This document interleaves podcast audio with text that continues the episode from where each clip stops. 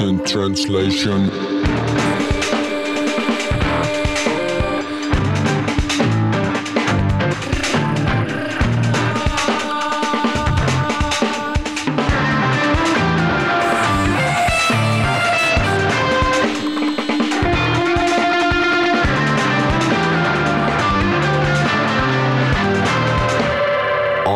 translation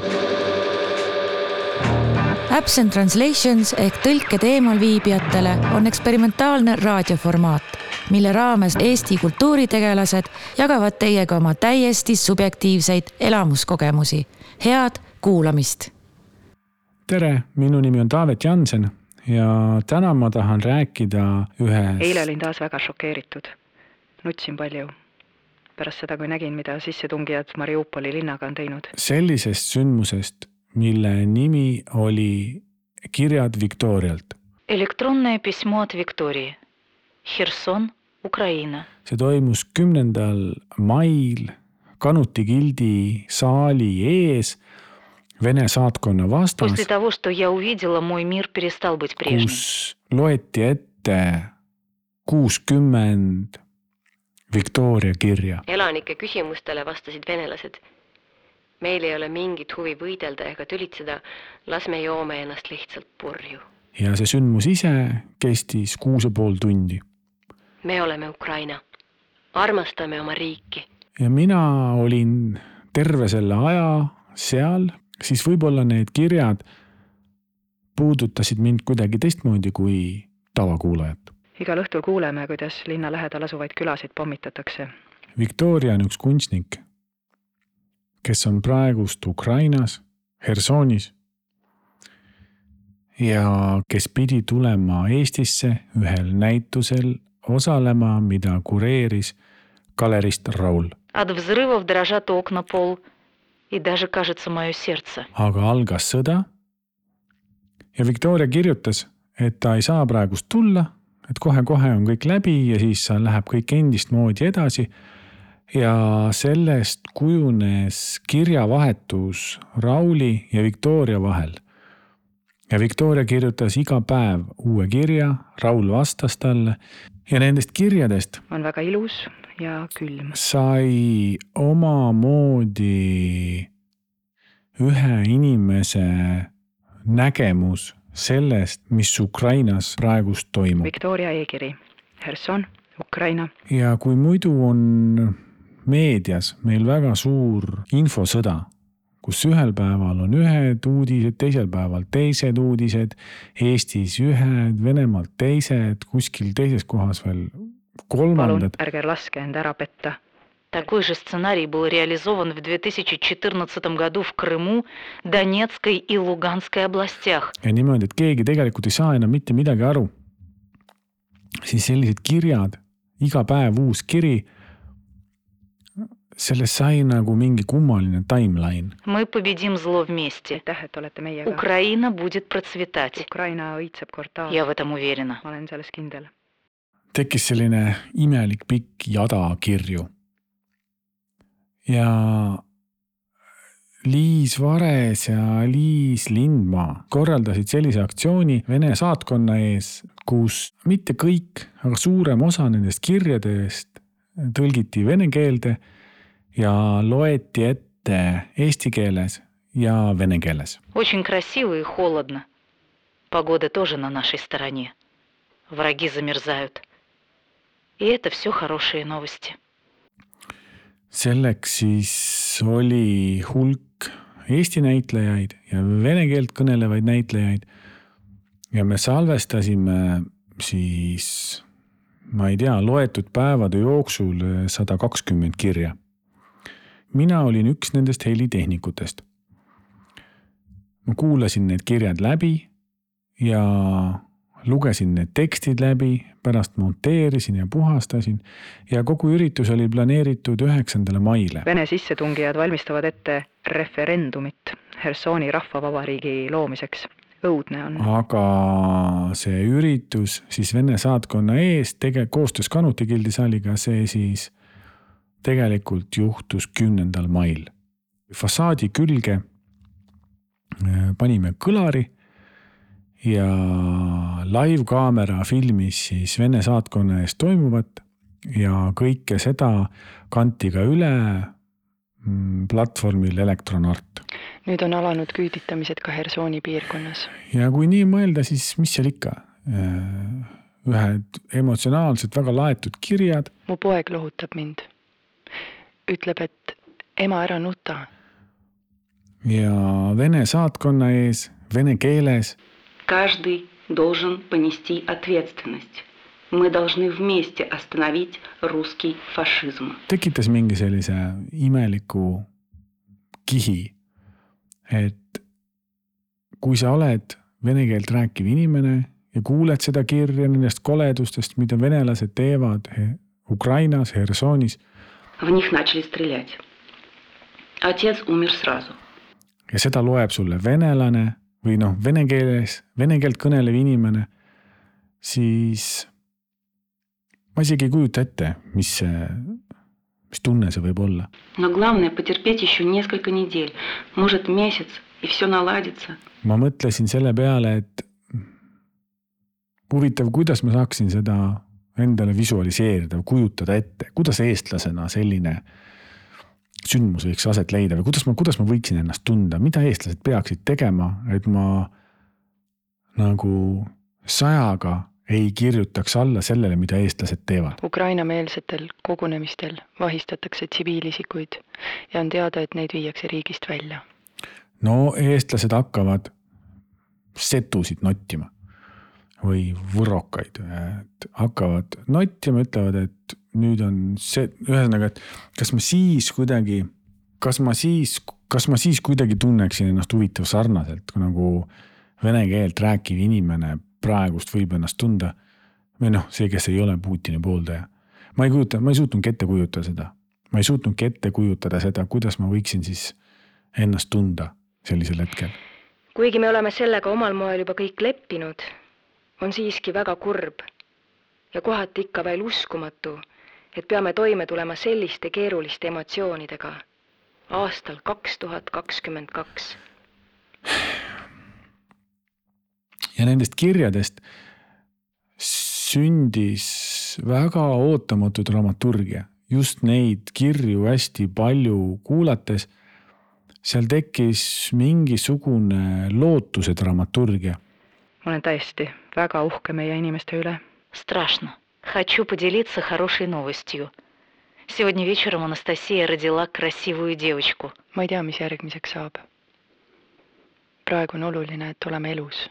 arvasin, et märtsi lõpuks on kõik läbi, aga praegu räägitakse, et sõda kestab ilmselt aprillini. lootus tuli, läks, suurenes ja vähenes. lootus me ei anna alla, isegi siis, kui nad tulistavad. ja uhkus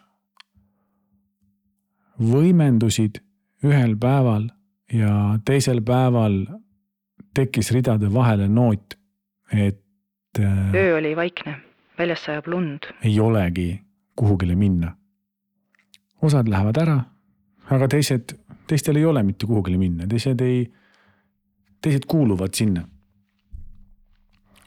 Ja on väga suur tõenäosus, et tegelikult saadakse tapetud või vägistatud või vägistatud ja siis tapetud.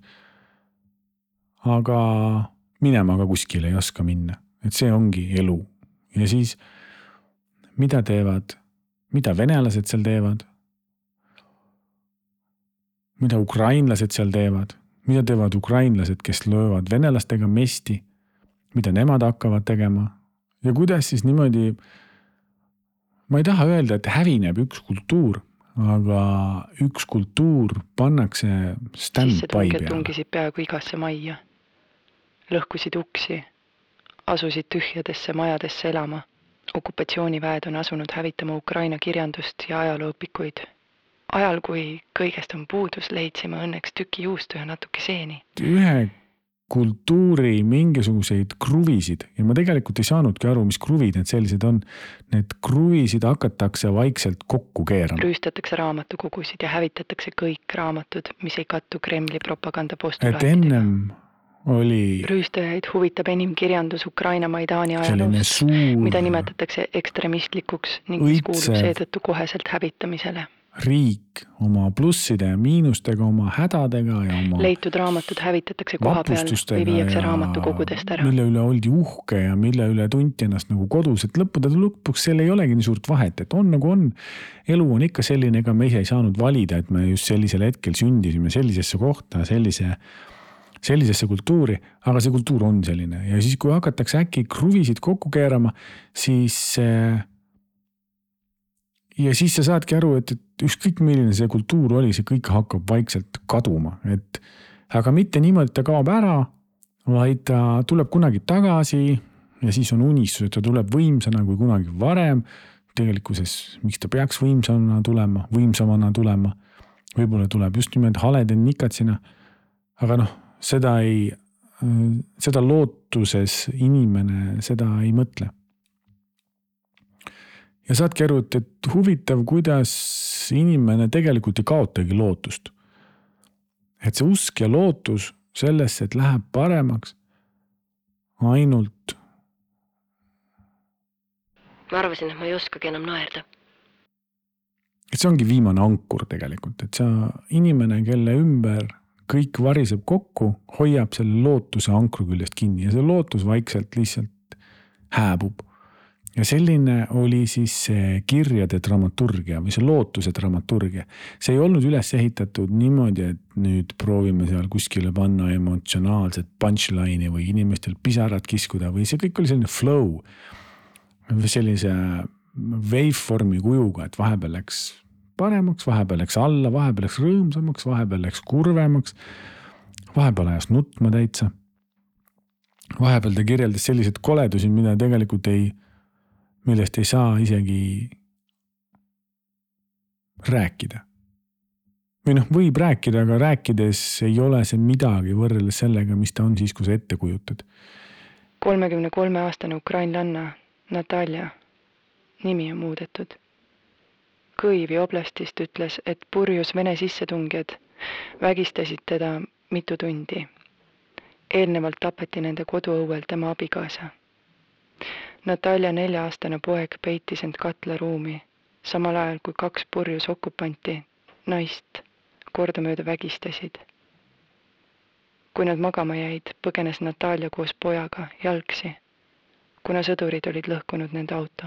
naine on praegu koos pojaga Ternopilis, sugulaste juures. ta ei ole veel oma pojale rääkinud, et tema isa on surnud ning lebab ikka veel nende koduõuel, matmata. Natalja ütles, et ei tea, kuidas selle kõigega edasi elada. ja see kestis kuus ja pool tundi.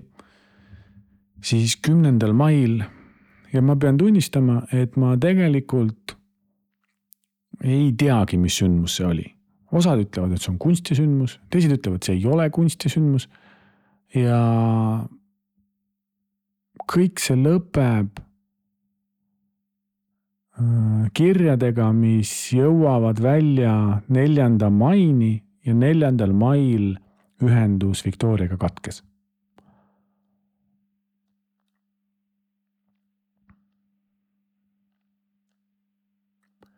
ja see oli midagi, mis oli väga kurb.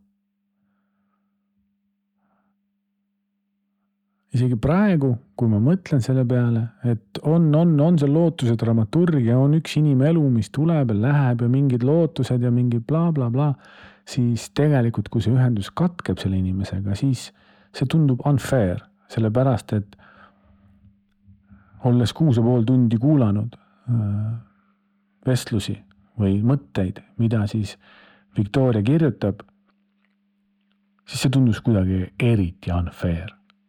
Sest ma olin juba emotsionaalselt kaasas ja mõtlesin selle peale ja, ja siis see ühendus katkes. ja isegi praegust, kui ma sellest räägin, ma, nüüd on peaaegu kuu aega möödas, mul on ikka kurb isegi kui ma tean, et tegelikult on selle ühendus taastus Victoriaga kolm-neli päeva hiljem, ja võib-olla see näitus, millel Victoria osaleb, see toimub ja Victoria tööd saadakse ka kuidagi hoolimata raskest ajast Ukrainast kätte. et see kõik toimib edasi, see kõik läheb ikkagi see mõte, et äh, kuskil on keegi, kes loodab midagi ja ühendus temaga katkeb. see on ikkagi kurb. nii et ma loodan, et sellest sündmusest need salvestused on nüüd alles. Neid salvestusi on juba räägitud, et äh, galerist Oleg võib-olla tahab kasutada selle näituse backtrack'ina. võib-olla need salvestused elavad mingit oma elu edasi, võib-olla neist saab midagi. vaevalt me nad ära kustutame, aga kuskil on ikkagi minu sees on ühe väga emotsionaalselt mind puudutavad kirjad kelleltki, kelle nimegi ma rohkem ei tea kui Victoria. ja ma tean, et kui ta kaob, siis on mul kurb